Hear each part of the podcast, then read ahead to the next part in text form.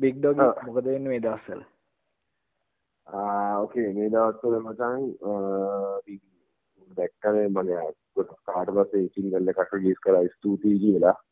ඉතින් ඒ සින්දුවත් එක්කම ඉතින් පොඩ්ඩක් ආයේ පාර පොඩ්ඩක් පොඩක් සීන් එක අවුස්සල ගන්න තමයි උමනාලා තිබ්බේ.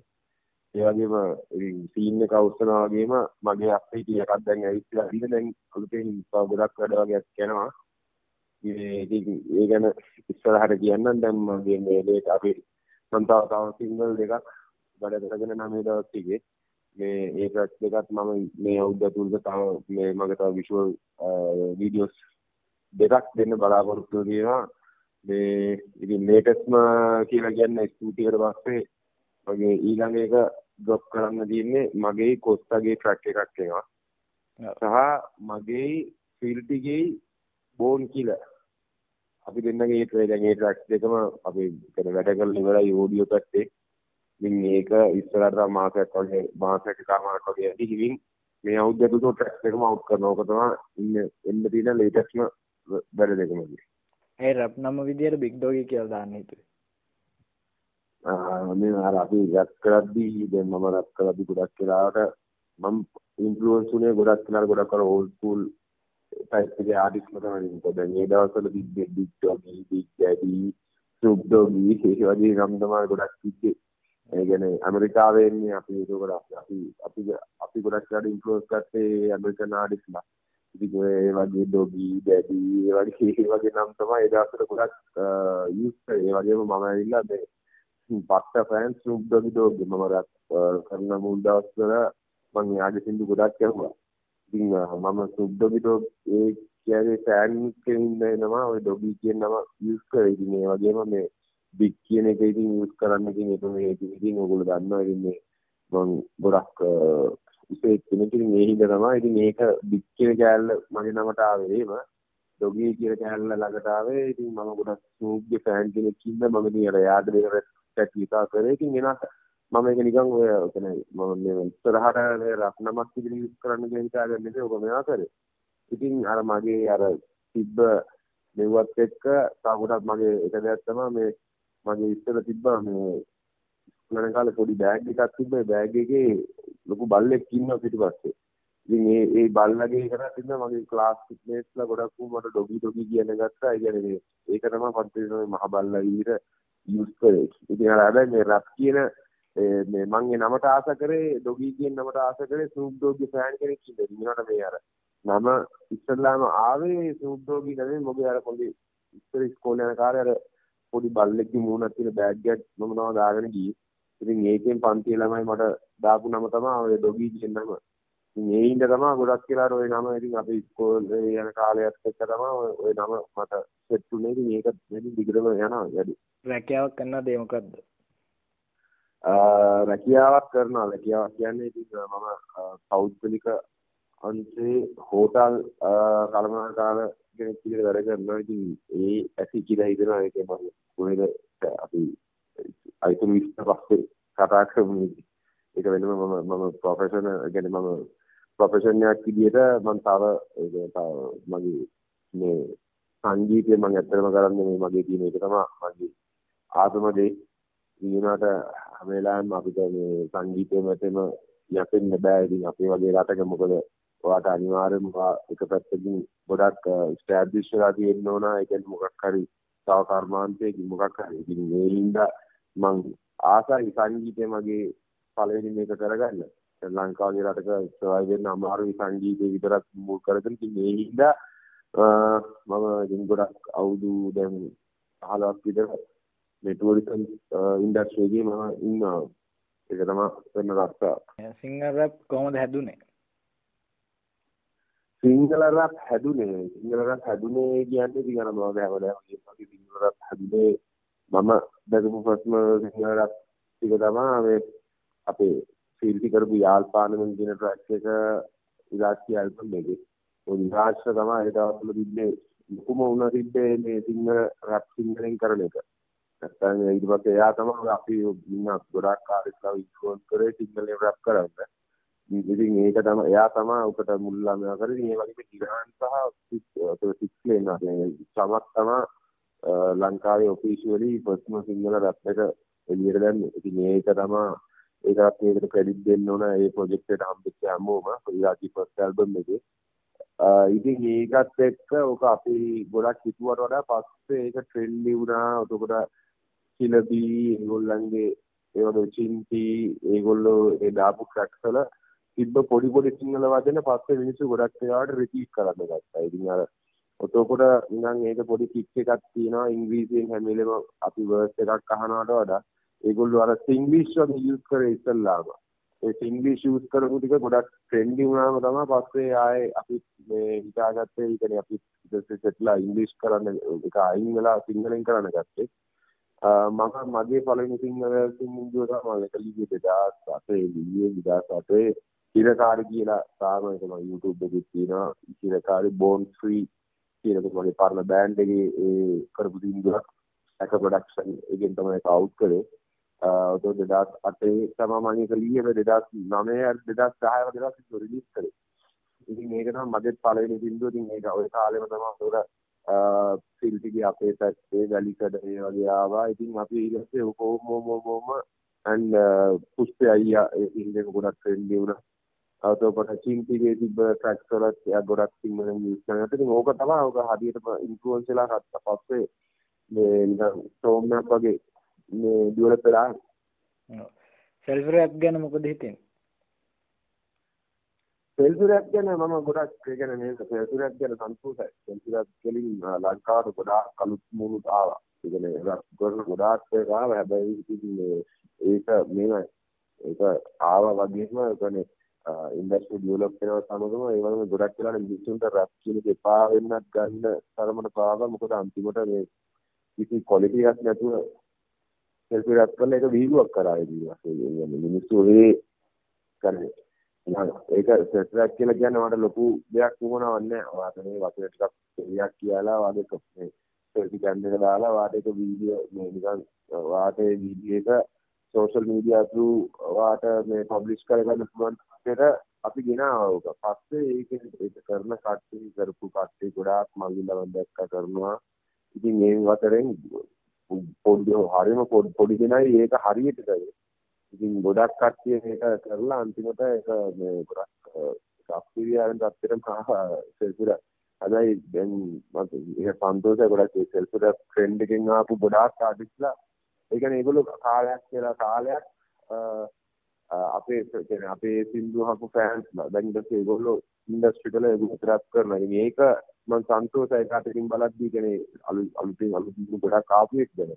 හැබැයි ඒකේ මට තාම සමහරක් වෙලාවට මම ඒක ඇග්‍රී වෙන්නේ නැහැ. මොකද ගොඩක් වෙලාවට අර අපි අපි හැමදේම බලන්න ඕන අපේ තියෙන මේ ස්කිල් ඒ කියන්නේ මේ අපි ආසාවටම කරන දේ හරියට යන්නේ නැහැ හැම වෙලේම. අපි දැනගන්න ඕන අපේ තියෙන මොනවාද අපේ ස්කිල්ස් මොනවද අපි ගාව තියෙන්නේ අපිට මේක ගැළපෙනවද නැද්ද කියලා. ඉතින් ආසාවට කරපු හැමදේම කරද්දී ඒක ඔයාට විතර නෙමෙයි මේක මුළු ඉන්ඩස්ට්‍රි එකම බලපාන මොකද මිනිස්සු ගොඩාක් බලන් ඉන්න රැප් වලට බයින් එළියට.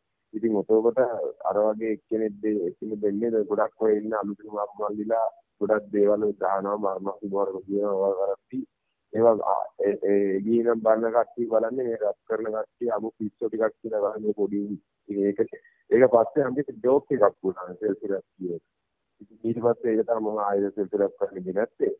වෙනට ඒ ආපු දවස්වල තිබ්බ කික් එක ඒ ට්‍රෙන්ඩ් එක ඒ ගැම්ම මායි සිල්පියේ ගහපු ඒ ගේම් එකේ ආපු ගොඩක් කට්ටිය ඒ දවස්වල මම මේ ගොඩක් සන්තෝෂයි. ඒකට හැබැයි දැන් බලද්දි මේ මේ ඒක හොඳ වගේම ඒක සෑහෙන නරක දෙයක් වුණා කියන්න පුළුවන් ඉන්ඩස්ට්‍රි එක. රැප් කරන්න බැරි සහ රැප් කියන එක විහිළුවක් බාටපත් වෙන තරමට ඒක වුණා. ඉතින් ආයේ මම දන්නේ මම සෙල්ෆි රැප් කරන්නේ කියලා. එනකොට මේ ඉතින් ඒක තමයි සෙල්ෆි රැප් එකේ තිබ්බ හොඳ සහ නරක දෙපැත්ත. ඇන්ටන් කියන්නේ කවුද? ඇන්ටන් කියන්නේ බෝන් ෆ්‍රී. ඔතකොට ඇන්ටන් තමා මම මගේ මාහි ඇන්ටනි ඇවිල්ලා පළවෙනි අපි සින්දුව කරේ 2002. එතකොට 2002 මම ඒ ලෙවල් කරද්දි තමයි ඇන්ටන් හම්බෙන්නේ. ඇන්ටන් කියන්නේ නිගම මාල්ස් සයිඩි උප්පු මගේ ඉයර් එකේ හිටපු රමේ අපි දෙන්න එක ක්ලාස් එකේ හම්බෙලා ඉතින් හම්බෙද්දී හම්බෙලා අපි දෙන්න ඔකේ එකේ මේ වගේ තමයි අපිට ලියන්න ගත්තා. අත්‍තර ඇන්ටන් කියන එක රප කෙනෙක් නෙමෙයි. එයා ඉල්ලා මම ලංකාවේ දැකපු ටැලන්ටඩ්ම සොංග් රයිටර් තමයි ඇන්ටන් ෆර්නැන්ඩෝ කියන්නේ. එයා තමයි චිත්තිගේ ඇල්බම් එක කරන කාලේ චිත්තිගේ නාරි කියන හිට් සින්දු ෆස්ට් හිට් සින්දු ගාගදී ඇන්ටන් තමයි සින්දු එක ලියුවේ.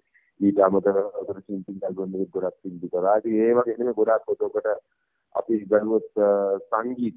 සංගීතයේ ඇල්බම් වලත් එතකොට සංගීත ගියාව සලන්දරි ඒ ඇල්බම් එක සින්දු අන්ටර් සින්දු ලිව්වා. පොපොත ඒක තමයි එකේ තියෙන ප්‍රේම සින්දු දෙක තුනක් ලිව්වා. අන්ටර් ඒ වගේ ගොඩක් එයා ඒ කාලේ ආපු ඒ කියන්නේ එයා පොඩි කාලේ අන්තිමට ඊට පස්සේ අපි දෙන්න පටන් ගත්තා මමයි අන්ටන් සහ චින්ති. අපි තුන් දෙනා පටන් ගත්තා මීගොගෙන් කියන අපි ඒකවල ඉල්නොයි ඉරාජ්‍යන් ඉල්නොයි තිබ්බා. එතකොට අර්බන් සවුත් අර්බන් සවුත් වල තමයි ඉස්සල්ලා පටන් ගත්තේ. ඊට පස්සේ ඉරාජ්‍යන් ඉල්නොයි තිබ්බා. එතකොට ක්‍රිෂාන්ලා එතකොට ක්‍රිෂාන්ගේ අයියා ගජන් ඒගොල්ලෝ ඒගොල්ලෝ රත් කරගෙන ඉතියා ඊට කලින් ඉතියා සවුන්ඩ් බුගිනේෂන් රූට් බෝයි රිපබ්ලික් අපි මේ ඉන්ෆ්ලුවන්සර්ස් එක්කම අපි බලනවා මේ කොළඹ වල ඉන්නවා ඒ වෙන කොහොමද රැප් කරන කට්ටිය ඉන්න කොළඹින් පිට ඉතින් කොළඹින් පිට බෑන්ඩ් එකක් කියලා ආවනම් ඉස්සල්ලාම ආවේ මේක මේ තමයි ආවේ අපි මායි චිල්ටි ඇන්ටනි ඇන්ටන් තමයි අපේ මේන් පිලේක මොකද එයාගේ තමයි අපේ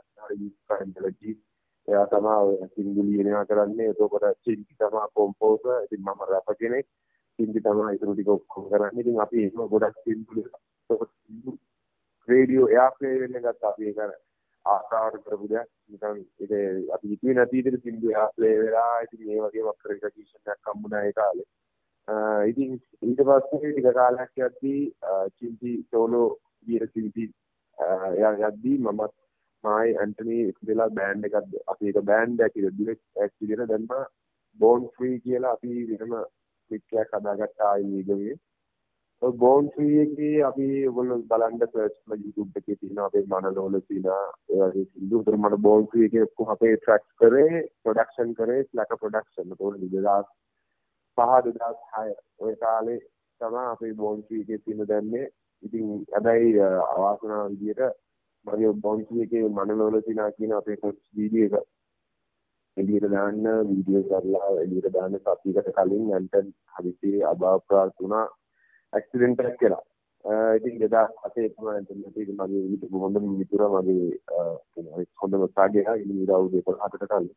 ඉතින් එයා අවාසනාවන්ත ලෙස ගියා. ඉතින් ඒ වුණාට මම අදටත් ඒ කියන්නේ මම කියන්නේ රත් මේ ලියන හැම රත්කේ හැම වචනයකින්ම එයාට ඩෙඩිකේට් කරන රෙස්පෙක්ට් එකක් විදිහට මොකද එයා නැත්තම් අද ලංකාවේ රැප් මියුසික් එකේ ගොඩක් ඉන්ෆ්ලුවන්ස් කරපු ආටිස්ට් කෙනෙක්. ඉතින් එයා නැත්තම් මේ අපි ගොඩක් මේ ඉන්න ඉන්ඩස්ට්‍රි එකේ ඉන්න ගොඩක් කතිය නෑ කියලා කියන්න පුළුවන් මොකද ඇත්තටම ඒ වගේ ටැලන්ට් රැපර් කෙනෙක් මට හම්බෙලා නෑ ඒක ටැලන්ට් මේ ආටිස්ට් කෙනෙක්. එයා සින්දු ලියන්න පුළුවන් මෙලඩි ගන්න පුළුවන්. ඒක ආට කෙටියෙන් කියනවා නම් ඔය සින්දි මායි නාවි සින්දුව ලිව්වේ අන්ත ලිව්වේ කොකා කෝලා එකක් බොන ගමන් කොකා කෝලා එක අරගෙන කොකා කෝලා එක ග්ලාස් දෙකකට දාලා මම කොකා කෝලා එක බීලෙද්දි ඉවර වෙද්දි පොඩි තාක්ෂණ කොලයක් කොලයක් අරගෙන පොඩි පෑන පැසලක් තියාගෙන ඒ සින්දුව ලිව්වා මේ විනාඩි 10ක්වත් ගියේ නෑ ඒ සින්දුව ලියන්න. මනනොල තිනා කියන සින්දුව මම එයාට හැමදාම හන්දෙන් සින්දුවක් කියනවා. ඉතින් මට මේ සින්දුව ලියලා ලියා දෙන්න කියලා. ඉතින් ලියන්නෙම නෑ හරි කම්මැලි. ඉතින් දවසක් කොහොම හරි මම දැන් අන්තිමට නැටක් එක ස්ටුඩියෝ එකේ දාගෙන තිබ්බා මේක ස්ටුඩියෝ සෙෂන් එක දාගෙන තිබ්බා. ස්ටුඩියෝ සෙෂන් එක දාගත්තට සින්දුව තාම නෑ. ඉතින් බස් එකේ යන ගමන් තමයි අන්තන් ඒ අපි කොළඹින් නැගලා නාවලින් බහිර ටිකට ඔය මන්වල රචනා සින්දුව බස් එකේ තමයි එයා ලිව්වේ. ඉතින් ඒ වගේ අද ලංකාවේ හිටියනම් ඉතින් නම්බර් 1 අපි ගොඩාක් උතර මගේ පැත්තේ කියන්නේ මම ඇත්තටම රැපර් කෙනෙක් මට ගොඩක් මේ මෙලඩි ඒ වගේ ඒවා මට උරුට එන්නේ මට වඩා ගොඩාක් වැඩිපුර හිතන්න හැකියාවක් තිබුණේ තමයි ඇන්ටන් කියන්නේ. ඉතින් එයාගේ ඒ නැති වෙච්ච එක අපේ මුළු ඉන්ඩස්ට්‍රි එකටම ගොඩක් සාදුවක්. ඉතින් ඒ වුණාට මම ඉස්සරහට කරන හැම මියුසික් මොකක් හරි කරන මේ ප්‍රොඩක්ට් එකකින් එයාගේ එයාව හැම වෙලේම එයා මතකෙට එයි ඒ මොකද ඒක තමයි මට තියෙන මට තියෙන එකම ෆිල්ම් එක එයාව මම කරන හැම දෙයක් ඇත්තටම මිනිස්සු දැනගන්න ඕන මේ මොන්ටේ කිච්චා ඉතින් එයාට මේ හැම දෙයක්ම දෙවියෙක් දෙයි. මම මේ කරන හැම දෙයක් ඇයි රැප් ගන්න හිතුවේ? රැප් කරන්න හිතුවේ ඉස්සල්ලාම හිතුවේ ඩීජේ කෙනෙක් මම ඩීජේ කෙරුවා මම ඩීජේ කරා මේක අවුරුදු ආ 99 2000 99 ඔව් 99 වගේ කාලේ මම ඒකත් 98 99 මම ඩීජේ කෙරුවා එනාට පස්සේ පස්සේ ඩීජේ කරත් මට පස්සේ ඒකට වඩා මට මේ ගොඩක් වුණා උනේ මේ රස රස කෙනෙක් වෙන්න. මොකද මම දැකපු මේකත් එක්ක මම ඉතින් අර ආසයි හිප් හොප් මියුසික් වලට ගොඩක් ඉතින් මම ඉස්සල්ලාම ගොඩක් ඔය ගත්තු අපි කියමු එක රීසන් එකක් තමයි මම ආ මුල් කාලේ ගම සයිකල් කියන බෑන්ඩ් එක ජෝක් ඉතින් ඒ වගේ ආටිස්ලා ගොඩක් ගොඩක් ආර්ථික කාර්යකට මට ඇත්තටම කිව්වොත් ඒගොල්ලෝ ඒ කියන රැප් වල කියන දේවල් කිසිදයක් තේරුන්නේ මට ඒක තිබ්බේ ඒ රිදම් එකට තමයි මගේ ඔළුවේ තිබ්බේ. සමානක් කරේ කියන වචන කිසිදයක් තේරෙන්නේ නැහැ ඒ වචන තේරුණත් ඒවල තිබ්බ ගැඹුර තේරෙන්නේ නැහැ මට. ගොඩක් වෙලාවට අපි අපි ඉවදස්සල අපි ටීනේජර්ස්ලා ඉතින් අපි ඉන්න මේකත් එක්ක අපිට ඒගොල්ලන්ගේ තියෙන ඒගොල්ලෝ ඒගොල්ලන්ගේ තියෙන ඒ කල්චර් එකේ ඒ සොසයිටි එක ගැන අපි පස්සේ තමයි අපිට තේරෙන්නේ අපි සම්පූර්ණ වෙනම දෙයක්. මම ගොඩක් වෙලාවට මම රැප්පෝට ඇත්තටම පටන් ගත්තේ ඒකේ අර තිබ්බ රිද්ම් එක ගොඩක් වල මියුසික් උඩට ડોක්ටර් ඩ්‍රේලාගේ මියුසික් වල ආවේන තමයි මියුසික් ඉන්න තමයි පොඩ්ඩක් මෙයා උනේ ඒක ඒක රැප්පෝට ඇටෙන්ෂන් එකක් කියලා දුන්නේ. ඉතින් ඒක තමයි පස්සේ මේ ඩිවෙලොප් වෙලා අන්තිමට අපිටම ඕන විදිහට අපි කොහොම කොහම හරි ගත ගන්න අපි ඉංග්‍රීසි වලින් රැප් කරන්න ගත්තා. ඉතින් පස්සේ රැප් කරන එක මේ ඊට පස්සේ ඒක අර අපි ආයේ සිංහලෙන් කරද්දී ඒක තාක්ෂණ ඩිවෙලොප් කරා. ඉතින් ඊට පස්සේ සම්පූර්ණ කාලයක් විදිහට ඒ කියන්නේ මේ අපිට මේ මම කියන එකම එකක් තමයි කවදාකවත් අපිට මේ ඇඟට ගන්න බෑ කිසි දෙයක් මේ අපිට අදාළ නැති දෙයක්. අපිට ඒක ඇඟේ තියෙන්න ඕන. ඉතින් අපේ ඇඟට එකපාරම රැස්සකාවෙත් නෑ අපි ගොඩාක් මියුසික් ඇහුවා මම තාමත් එහෙම මම ගොඩාක් මියුසික් අහනවා. මම රැප් විතරනේ මම ගොඩක් මියුසික් අහනවා. ක්ලාසික් ටු පොප් ටු රොක් ටු හැමදේම අහනවා. ඉතින් මේ ඒ ආපු ඒ මියුසික් වලින් කතා කරන ටොපික් තමයි පස්සේ ඒ මම ආපුවා. මම පොඩි කාලේ නම් දැකපු නොදකපු හැම දෙයක්ම තමයි අන්තිමට මේ මගේ එක්ස්පීරියන්ස් එකක් විදිහට මේ අද මේ මගේ මවුත් පීස් එකෙන් එළියට එන්නේ. ඉතින් මගේ පෑනෙන් මම මේ මේක මේ අද අද හෙට මේ දැන් මේ සින්දුවක් ලියනවා කියලා මේ මම මේ මේ දැනුමේ කරන දෙයක් නේ මේක තියෙන ඊට අවුරුදු 10ක් 15ක් මම මේ දක්න දේවල් තමයි මගේ මේ මම කියන සල්පි හැදෙන තියෙන්නේ. ඒක තමයි මම මම ගොඩක් එක කතා කරන ටොපික්ස් ටිකක් තියෙනවා. මේ මම ගොඩක් වෙලාවට මේ මට ගොඩක් හાર્ඩ් කෝර් පැත්තට තමයි මම ගොඩක් දේවල් කරන්නේ මම ආස ගොඩක් හાર્ඩ් පැත්තට රැප් කරන්න. මම සාමාන්‍යයෙන් නිකන් ගොඩක් වෙලක් තියෙනවා අපි ගොඩක් වෙලාවට මේන් ස්ට්‍රීම් යන්න වගේ මම එහෙම සින්දු මම එහෙම මම කරලා මම කරන්නේ මම අර මගේ තියෙන ෆ්‍රේම් එකේම තමයි මම හැමදාම කරන්නේ. මොකද මානක් වෙලාවට මට රැන්සා කියනවා මේවා යයි එයා මේ එන්න දාගෙන කරන්නේ පොඩ්ඩක් ඔයට වඩා මේ තමයි ඒක නගරේ සුරාත් එකක් දෙන්න පොඩ්ඩක් ඔයට වඩා මිනිස්සුන්ට මට මේ මිනිස්සුන්ට ඒ සින්දුව අහන්න කලින් මම කරන නිර්මාණය මම රස විඳින්න මම මගේ ඉන්නේ තියෙන ඒ ඒ තියෙන ට්‍රේන් එකකින් එළියට මම තාම යන්න හිතාගෙන නැහැ. කාලක් වෙලාවට ඉස්සරහට මම එහෙම සින්දුවක් කරන්න පුළුවන් මම try out එකක් කියලා. එනවාට බිග් ඩොගි කියන චරිතය ඇවිල්ලා පත්තම පත්ත හાર્ඩ්කෝර් රසයන්ද. ඔව්. මම හිතනවාද ඉස්සරහට ලංකාවේ රැප් වලින් විතර සල්ලි හොයන්න පුළුවන් වෙයි කියලා. මෙහෙම බැරි කමක් නෑ. අපිට බැරි කමක් නෑ. මෙන්න අපි ඇවිල්ලා දැන් ඕක අපිට ලංකාවේ දැන් මේ අපිට දැන් ආදිස් කෙනෙක් විදියට මිනිහෙක් කීයක් හරි හම් වෙනවා නම් මේ එතකොට මේ මිනිහා ওই ඉන්ඩස්ට්‍රි එක නැගී හිටින්න දැන් ඉන්ඩස්ට්‍රි එකක් කියලා අපිට නැගිටින්න තියෙන්නේ. එතකොට තමයි තියෙන්නේ නැත්නම් ඒ කියන්නේ කවුරුත් රැක් කරන්නේ නැහැ. දැන් අපිට කියපත් හොයාගන්න බැරි නම් මේකේ අපිට අපේ කාර්ය පවුලක් නඩත්තු කරගන්න බැරි නම්.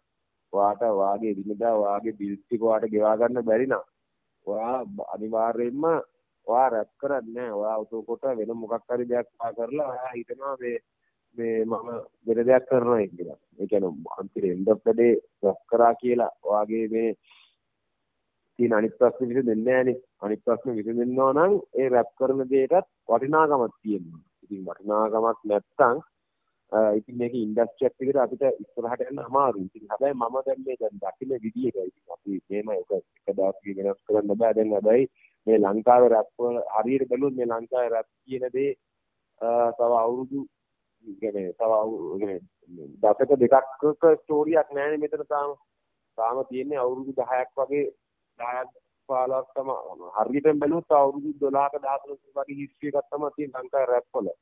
ඉතින් සමහරක් වෙලාවට ඕක ওই ස්ට්‍රගල් එක තියෙන්නේ නැති ඒ රැප් පටන් ගත්තු අනිත් තැන්වල. ඉතින් මේ දැන් ආටිස්ට්ලා ගොඩක් වෙලාවට ඒගොල්ලෝ මුල් ආටිස්ට්ලා ගොඩක් වෙලාවට කරන්නේ අර රූට් ආටිස්ට්ලා මේ මනි වලට නෙමෙයි කියන්නේ සල්ලි වලට කරපු දෙයක් නෙමෙයි. ඒගොල්ලෝ කරේ අර ගේම් එකයි ඒගොල්ලන්ට තිබ්බ ඇම්ම කියන්නේ අපි තිබේ ඒ රුදාව. ඒ ඒ ඒ ගැම්මට තමයි ගැම්මටයි ඇම්මටයි තමයි රැප් කරේ.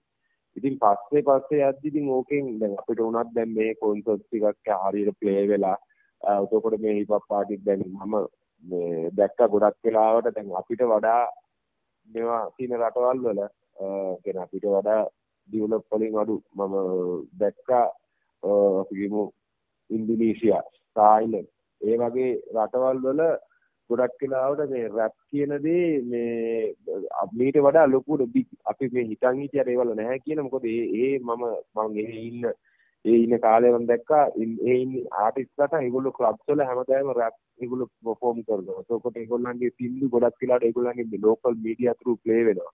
ඒ වගේම ඒගොල්ලන්ගේ හැමතැනම කොන්සර්ට්ස් තියෙනවා.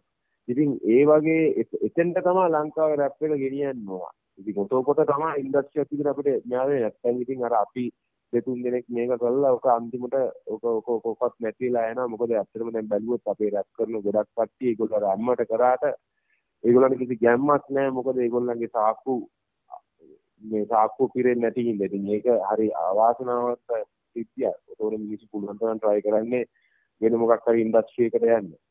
මේ හින්දා මම හිතනවා මොකද රැප් කරපු ගොඩක් ආටිස්ලා දැන් මම රැප් කරපු කාලේ ගොඩක් බාත් එක රැප් කරපු කට්ටිය අද මල් සින්දු කියනවා. රැප් පටන් ගත්ත ගොඩක් ආටිස්ලා හිටපු පිලර්ස් වගේ හිටපු ආටිස්ලා ඒගොල්ලෝ. ඉතින් මේක ඒගොල්ලන්ට ඒගොල්ලන්ට කියන්න බෑ මොනවා කියලා. මොකද ඒගොල්ලන්ට ඒකට බ්ලේම් කරන්නත් බෑ. මොකද එන්ටර්ටේන් ඉතින් ඔයගොල්ලෝ අපි හැමෝම මේ අපේ තියෙන බීස් ටික ගෙවා ගන්න ඕන අපි ගෙවල් වල මිනිස්සුන්ව බලා ගන්න ඕන. ඉතින් ඒ ඒ ඒ බෑකප් එක කරත් හිප් මියුසික් වලට ආවොත් මේ ඉන්ඩස්ට්‍රි තව ගොඩක් දියුනේ ඔව්. කවුද ෆලෝ කරන්නේ? ආ ෆලෝ කරන ආටිස්ලා මෙහෙමයි. ෆලෝ කරන ආටිස්ලා ගොඩාක් ඉන්නවා ලිස්ට් එකේ. ඒ ලිස්ට් එක කොහොම කියන්නේ කිව්වොත් මම හැම කෙනෙක්ගෙම වගේ මම අහනවා ගොඩක් මියුසික් ඉතින් හැම ආටිස්ට් කෙනෙක් වගේ. ඒකට මම මේ ළඟට ඉඳලා පොඩ්ඩක් මගේ සෙල් එක පොඩ්ඩක් වෙනස් කරා. මම මේ මේට අවුරුදු 3-4කට වගේ කලින් නම් මම ගොඩක් ක්ලාසික් මියුසික් ෆලෝ කරන්න ගත්තා සිංහල. ඒ කියන්නේ බලුවොත් ආ අපේ ගුණදාස කබ්ගේ මාස්ටර් අමරදේව මාස්ටර් ඒ වගේ ළඟ තියෙන ඒ වගේ තියෙන සින්දු ඒ තියෙන ටොපික්ස් ඒවා අපේ එතකොට ඒ කියන්නේ ලංකාවෙන් ආවා ඒ ඒ ඒ දේ ඒ කාලේ මොකද දැන් තියෙන ට්‍රෙන්ඩින් මියුසික් එකක් නේ මං කියන්නේ ලංකාවේ අපි 80 ගණන් වල ගත්තොත් මේ ලංකාවේ තිබෙන මියුසික් වල ඒවා මේක පස්ස ටොපික්ස් තමයි අපි ලංකාවේ ඒ මියුසික් කතා කරේ. ඒ කියන්නේ ඒවා සමහරක් වෙලාවට ඒ කියන්නේ අපි මේ අද රැප් වලින් කතා කරන දේවල් ඒ වෙන වෙන ආකාරයකින් ඒගොල්ලෝ ඒක කතා කරා මිනිස්සුන්ට ගියා. ඉතින් ඒ ඒ නිර්මාණ මිනිස්සු අතර ගොඩක් ගියේ ඉතින් ඒවල තිබ්බ ඒ තිබ්බ රස රසය ඒකයි කියන්නේ තිබ්බ ටේස්ට් එකේ හින්දා. ඉතින් මම ගොඩක් වෙලාට නම් බලන්නේ මට ඉතින් රත් ආරිස්සත් කියන්න පුළුවන් මම ඇමරිකාවේ මේගොල්ලෝ ෆලෝ කරනවා මේගොල්ලෝ ෆලෝ කරනවා කියලා. ඒ වුණාට අපි ආටිස්ලා විදිහට ගත්තොත් ස්ටෝරි ටෙලිං වගේ ගත්තොත් අපේ ඉතින් ඇන්ටන් ජෝන්ස් ඔතකොට ඉන්ඩෙක්ස් ෆර්නෑන්ඩෝ ඒ වගේම ජීසීස් එකේ සුනිල් අයියලා ඔතකොට මේ කියන්නේ ඊට ඊට පස්සේ ජෙනරේෂන් එක බැලුවොත් අපි ක්ලෑරස් ඔතකොට රූපාන්ත ගුණතිලක ඒගොල්ලෝ ආටිස්ලා ඒ කියන සින්දු ඒ තියෙන සාරක් කියලාවට එක මේ මියුසික්යි මම ගොඩක් මම රැප කෙනෙක් වුණාට මම ගොඩක් වෙලාට මේ ඒ සින්දු මම ගොඩක් ෆලෝ කරනවා. ඉතින් මේ මම වික්ටරත්නායක මහත්තයාගේ ඉඳලා ආ අමරදේව මහත්තයාගේ සින්දු සහ මම ගොඩක් වෙලාවට මගේ මේ මගේ මේ MP3 ප්ලේයර් එකේ දාගෙන මම අහනවා. ඒ කියන්නේ ඒ වලින් මම මගේ දැන් ඔය ඔයා බලන්න ඇති දැන් මට ගොඩක් වෙලාවට කිව්වා මේ මම රැක්කෙල්ලම කරලා ඉවරලා අවුරුදු 4කට පස්සේ මම මම ස්තුති කියන සින්දුව දැම්මේ ස්තුතියේ සින්දුවේ තියෙන වචන ඇවිල්ලා මේ එක දවසක තියෙච්ච වචන නෙමෙයි මොකද මම මේ සාංශයට මම දැන් අර ඇමරිකාවේ සාහිත්‍යතුන් ෆලෝ කර කර ඉඳන මට දෙච්චර වචන ටිකක් මගේ ඔළුවට එන්නේ නැහැ මම ෆලෝ කරේ ඒ දිනේ අවුරුදු දෙකමාර වගේ කාලේ ඔක්කොම ෆලෝ කරන්නේ ශ්‍රී ලංකාවේ ක්ලාසික් මියුසික් ඉතින් මම හිතනවා ඒගොල්ලන්ගේ තිබ්බ වචනේ ඒ අදහස් ඒ මගේ ඔළුවට ගියේ වෙච්ච හැම දෙයක්ම ඒ මගේ ඒක පෑන ත්‍රූ කොලේකට ආවා. ඒ කොලේ තමයි ඒ ස්තුති කියන සින්දුව. ඔව්. රැප් ටීම් වලට බෙදිලා යන මේ වලි ගැන මොකද කියන්න තියෙන්නේ? මෙහෙම ඒ ඔය කියන්නේ ඔක ඒකේ රැප් කියන එක මෙහෙම ඔක කාටද බෙනිෆිට් එකක් තියෙනවා නම් ඔය වලියක් අතර කමක් නැහැ නේ. බෙනිෆිට් එකක් නැති නිකන් අර ආ තේලන් කියන බඩු ගන්නවා වගේ මේ කාටවත් වැඩක් නැහැ. නිකන් බොරුවට නිකන් ඒක දාගන්න ඉතින් බලි ගැන කතා කරලා වැඩක් නෑ. මුලම දේ තමයි මම කියන්නේ. කවුරු හරි මෙහෙම වලියක් කියන්න බෑ ලොකු ඉන්ඩස්ට්‍රියක් නෑ තාම ලංකාවේ. දැන් ලං අපි අපි දන්න හොඳම බීච් ටික තියෙනවා. මේ බීච් කියනවා ඒ ඇමරිකාවේ බීච් කියන එකට මිලක් තිබ්බා. ඒක වටිනාකමක් දෙනවා. ආටිස්ට් කෙනෙක් තව ආටිස්ට් කෙනෙකුට බීච් එකක් දාලා ඩිස්ට්‍රැක්ට් එකක් දාලා මේකට කියනවා ඒක ඒකට වෙනම ෆලෝ කරන සෙට් එකක් ඉන්නවා. ඒකට ඒ මොනස්තර කීයකරි හම් වෙනවද ඒ බීච් එකේ මේගොල්ලෝ සල්ලි හොයනවා. සමහරක් වෙලාවට ඒ බීච් ඒගොල්ලෝ යූස් කරා ඒගොල්ලෝ ඇත්තටම මේගොල්ලෝ එම ග්‍රැජුවේට්ස් නේ ආදික දෙන්න. ඒගොල්ලෝ නිකන් පබ්ලිසිටි ගන්න පබ්ලිසිටි ස්ටන්ට් එහෙම යූස් කරනවා. ඉතින් ඒ ඒ ඒගොල්ලෝ එහෙම කරන්නේ ඒ වලට ඒක මොකක් හරි වටිනාකමක් තිබ්බදින්න. ඉතින් වටිනාකමක් නැතුව ඉතින් අපි මේ දෙකකින් කෙනෙක් මාරගත්ත කියලා Facebook එකෙන් කරාගෙන ඒක දාගත්ත කියලා. මේ ඉතින් ඊට පස්සේ අපේ ඉන්න කවුරු හරි ඔය ඉන්නේ කෙනෙක් දෙන්න අපේ ඉන්න අපේ අනිත් යාළුවෝ කොට කමෙන්ට් කරා කියලා. ඉතින් අපි පොරවල් වෙන්නේ නැහැ. ශ්‍රී ලංකාවේ ඉතින් මේ ඩීප් කියන එහෙම ඩෙවලොප් වෙන්න තරම් කිසිම මේ එච්චර টොප් ආටිස්ට් නැහැ ඩීප් කරගන්න තරම්. ඉතින් ඒ හින්දා ඒ වගේ කොමඩන් ඉන්නන්නේ මේ ඒ වගේ බොරු දේවල් වලින් ඉඳලා කරලා හැම වෙලාවෙම අනිත් එක්කෙනා කරන දේට රෙස්පෙක්ට් කරන්න ඕනේ. ඉතින් සමහරක් වෙලාවට අපි අපිට ඒක ඒ මිනිසුන්ගේ අගේ නෑ ගොඩක් වෙලාවට. ඒ විතරනේ තමන් කරන දේ විතරයි හරි කියලා. මිනිස් කරන දෙයක් දිහා බලන්නේ හැම වෙලාවෙම අපරයි. ඉතින් මේ විදිහා ඉන්න තමයි ඔය හැම වෙලාවෙම ඩීප් ඇති වෙන්නේ නැත්තම් මේ දැන් වෙන දෙයක් නෙවෙයි අපිට. ඒ වගේ අපේ වගේ රටක ආපු බීච් ඒ කියන්නේ ඩීප් ප්‍රශ්නයක් නෑ ඩීප් හරි ෆෝක් හරි මේ මීට් බෝල් හරි කවන්නේ ඒ වගේ විදිහට හොයාගන්න පුළුවන්. නැත්තම් ඩීප් ඩීප් වඩා කනවල කෑල්ලක් තිබුණා වෙන ඉස්සුවක් නම් ඔය ජීප් කරන වෙලාවේ අඩු ගන්න කීයකට සාක්කුවට එන්න ඒ වගේ උරු වැඩ කරන්න එපා ඒක මිනිස්සු ඉන්නේ කරනම මොලේ පාවිච්චි කරලා වැඩ කරන්න ඕන ඒ කියන්නේ ඉඳ මිනිහෙක් සමහරක් වෙලාවක මම කරන්නේ වෙනෙක් කෙනෙක් හරියට නැතිවෙන්න පුළුවන්. එයා කරන්නේ මට හරියට නැතිවෙන්න පුළුවන්. ඉතින් එහෙම කියන කරලා ඒකට මේ ඩිස්රිස්පෙක්ට් කරන එක සාමාන්‍යයෙන් එච්චරම මේ මොලේ කියන්නේ කරන දෙයක් නෙවෙයි. ඒක තමයි මම කියන්නේ. රැප් වලින් අනාගත බලාපොරොත්තු මොනවාද? අනාගත බලාපොරොත්තු තමයි මගේ ඇල්බම් එකක් දාන එක.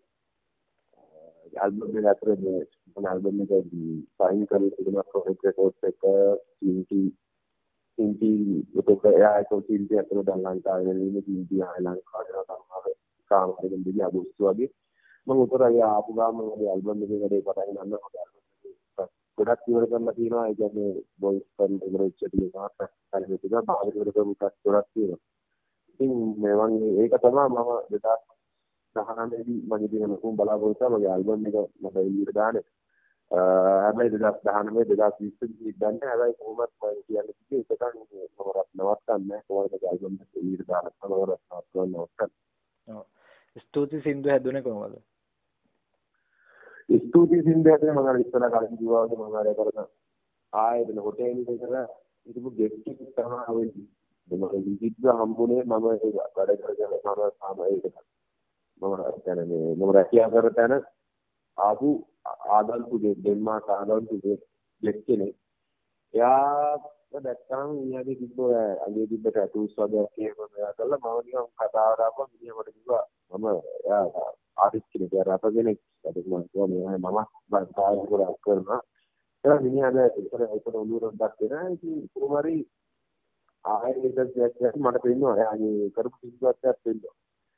ඒක පෙන්නන මම එයාලා රක්සෙල්ල විදියට දාලා පෙන්නනවා එයාට මම කොටලක් කියලා. ඒකට රක්සෙල්ල එයා ගොඩක් වෙලා ඒකට කැමති වුණා. ඒ සිද්ධුව ඒක දැකලා ඉතින් ඊපස් තමයි එයා කිව්වේ බ්‍රදර් අපි දෙන්න කරමු මොකක් කරලා අපි සිද්ධුවක් ඒක මේ ඉතින් අපි කාම ආරක්ෂලා තමයි ඒක හැබැයි අර එකක් තමයි ඒ එයාට පොඩ්ඩක් ඒ කියන්නේ ඩිජිටල් ඔකුල් සංකේත දකින්නේ මගේ ඩිජිටල් පේජ් එකකින් ෂෙයා වුණා. මගේ ඩිජිටල් මේ සෙල්ෆි රැප් එක මම අන්තිමට කරපු සෙල්ෆි රැප් එක.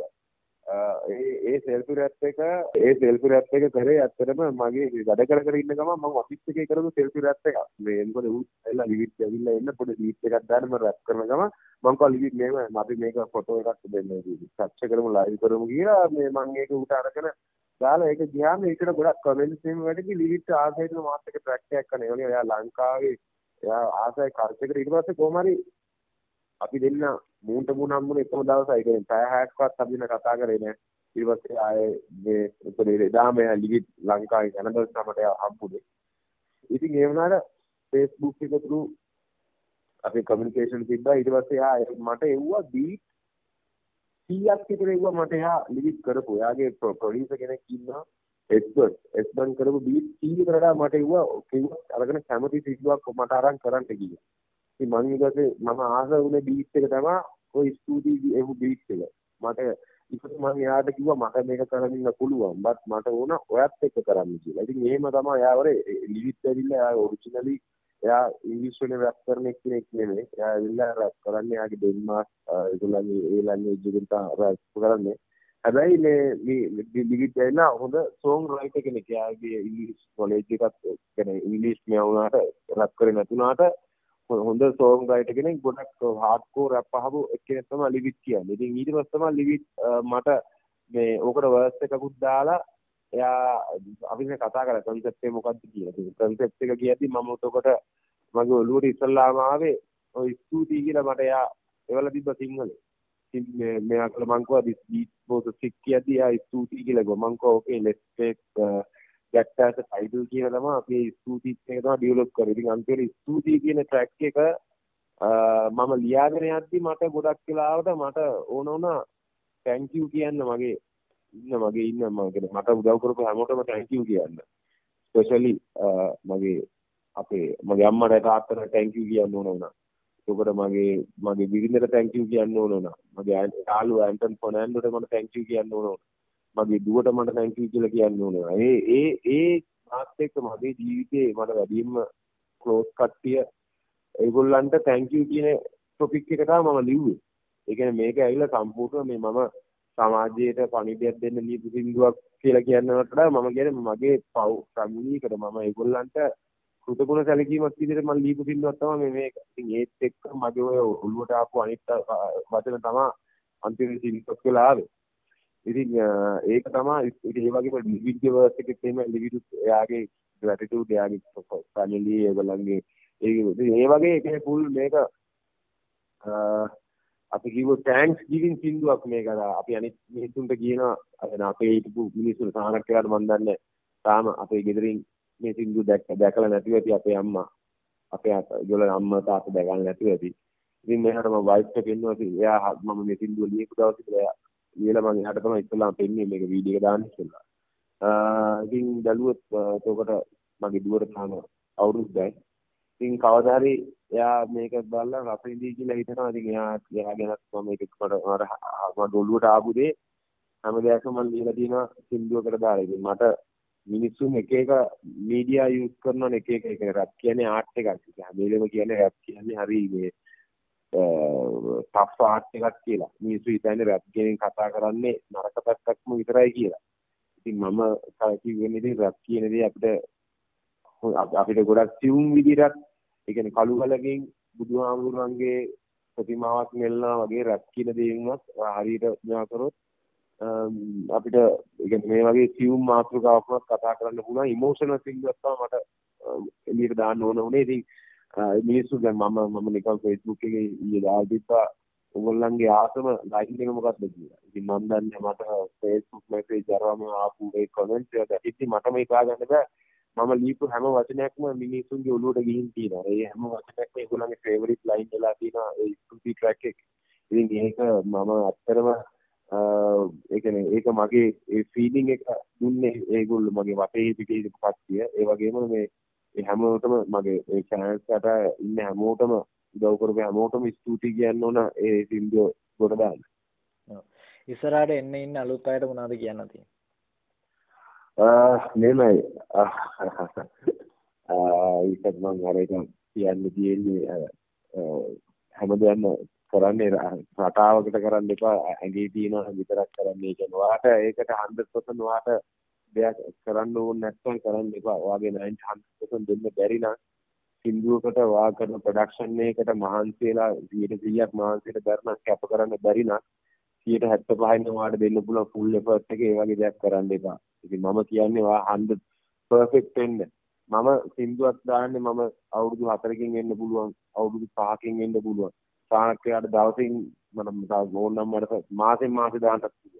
ඒත් මම මම මම කරපු ගොඩාක් සින්දුව එළියට දාන්නේ නැත්නම් මම සාහනක්‍රයාට ඒවට ගැන මම සම්පූර්ණ සැටිස්ෆයි හැම වෙලාවෙම. ඉතින් ඒ වගේ සිදුවා කියන්නේ අපේ කාලයේ සමග අපේ කිසි ගැටුමක් නැහැනේ. අපිට ඕන තරම් අපි ජීවත් වෙලා ඉන්න කාලේ අපි එක ප්‍රොඩක්ෂන් එකක් අපි හරියට කරොත් මිනිස්සුන්ට මතකෙ හිටිනවා ඒක. ඉතින් ඒ හින්දා මම කියන්නේ අපි හිතන් ඉන්න ඕනේ අපි අවුරුදු 22 දාලා 25න් ආටිස්ට් කෙනෙක් ප්‍රොෆෙෂනල් ආටිස්ට් කෙනෙක් රෙකෝඩ් ඩීල් අරගෙන අපි 25 දී ඇල්බම් දානවා. මේ සමහරක් වෙලාවට සූපක් වගේ ආටිස්ට් කෙනෙක් අවුරුදු 25 දී ඇල්බම් එයාගේ තිබ්බ සින්දු 70 ගානක් වගේ එයා කරලා ඉවරලා ඒ ආටිස්ට් නැතිලා ගියා. එහෙනම් ડોක්ටර් දේ දැන් බලකුත් නෑ. විනර අවුරුදු 50කට මීයගේ ඔෆිෂියල් ඇල්බම්ස් දෙකයි ආවේ. ඉතින් ඒක අපි වා වැඩිපුර කරාද අඩුවෙන් කරාද කියන එක නෙමෙයි මැටර්.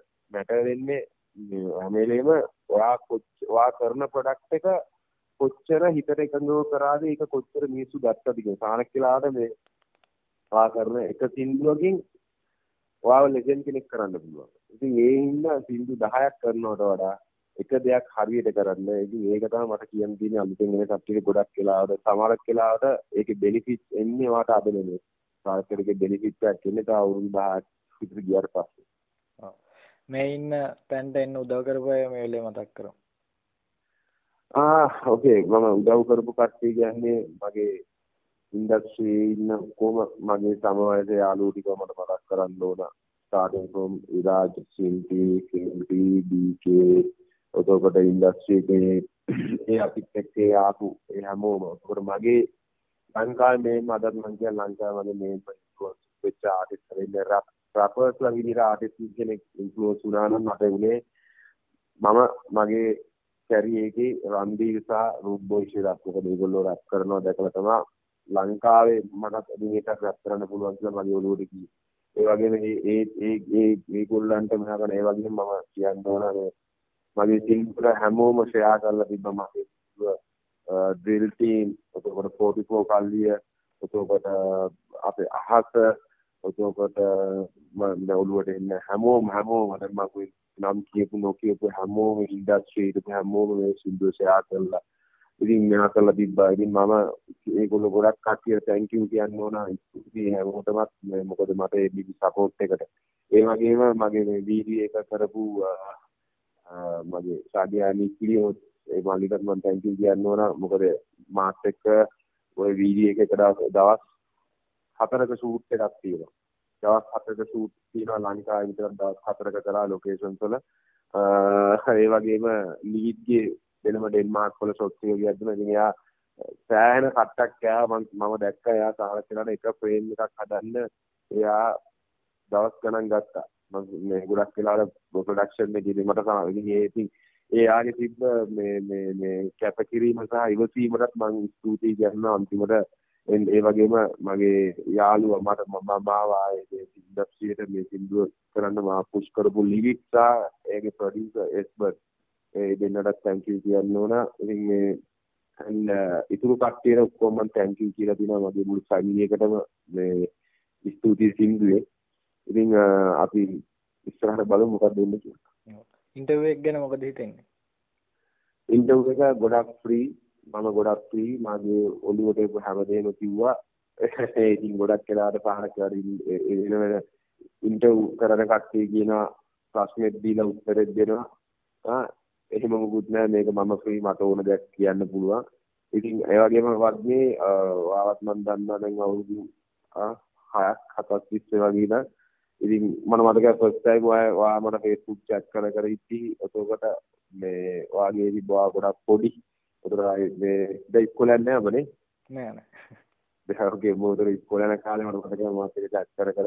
එතකොට මා ඒ කියන්නේ ඔයා වගේ ඒ බොක්කෙන් මේ වගේ ලංකා රැප් මියුසික් වලට මේ ඉන්න මිනිස්සු ඉන්න ඕන. ඉතින් මේකට මට කියන්න තියෙන්නේ ඒවා ඒ කරන දේ ඒක ගොඩක් වෙලාවට ඒක මිනිස්සු ඇප්‍රීෂিয়েට් කරයි. මේ මොකද හැම වෙලේම ඉන්ඩස්ට්‍රියක් හැදෙන්න රැප් කර රැපර්ස්ලා විතරක් නෙමෙයි ප්‍රොඩියුසර්ස්ලා විතරක් නෙමෙයි.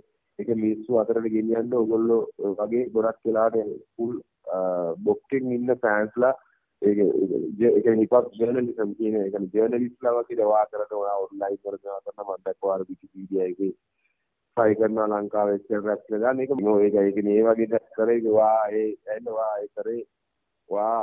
ආටිස්ට්ලා බෙනිෆිට් නේ ලංකාවේ ඉන්ඩස්ට්‍රියට බෙනිෆිට් වෙන දෙයක් නවා ඒ කරේ. ඉතින් ඒවා ඒවා ගොඩක් වෙලාවට ඒක වා ඒ වගේ මම දැක්කා වාගේ කරනවා වාගත්තා තිබ්බා වා හිපොප් මැගසින් එකක් කරන්න ආසයි කියලා ඉතින් ඇත්තටම ඒ වගේ වෙන්න ඕන මැගසින් කරලා ඒවා තියෙන්න ඕන ඒවා ඒවා ඒ දාන හැම එකක්ම ඉස්සරහට වාගේ මෙයා වෙලා ඒක වාට සහ ඉන්ඩස්ට්‍රියට දෙපැත්තටම මේ බෙනිෆිට් වෙන විදිහට වැඩේ වෙන්න කියලා මම ප්‍රාර්ථනා කරනවා. ඉස්සරහට එන්න තියෙන රැප් එකක පොඩි කැලලක් කියමු. මිතුරන් වෙන්න ඕනේ නැහැ සර් දෙන්න අවසර. මතකයි කොළඹ කාණු හේතුව මම හීන මව මව හලු මර මර කෑව කට්ට රස කර. ඕන නැහැ හරසර මම්මල දවසට. විශ්ව දහ විලියට නගින්න කටු ඉඹුල. යල මහ දෙකම සරුත් සාරයි මගේ කුඹුර මිතුර බලපන් රැප් ලිඳ ඇතුලේ පතුල. නම කොටලා ඇති බිග් ඩොගි මොකද උඩ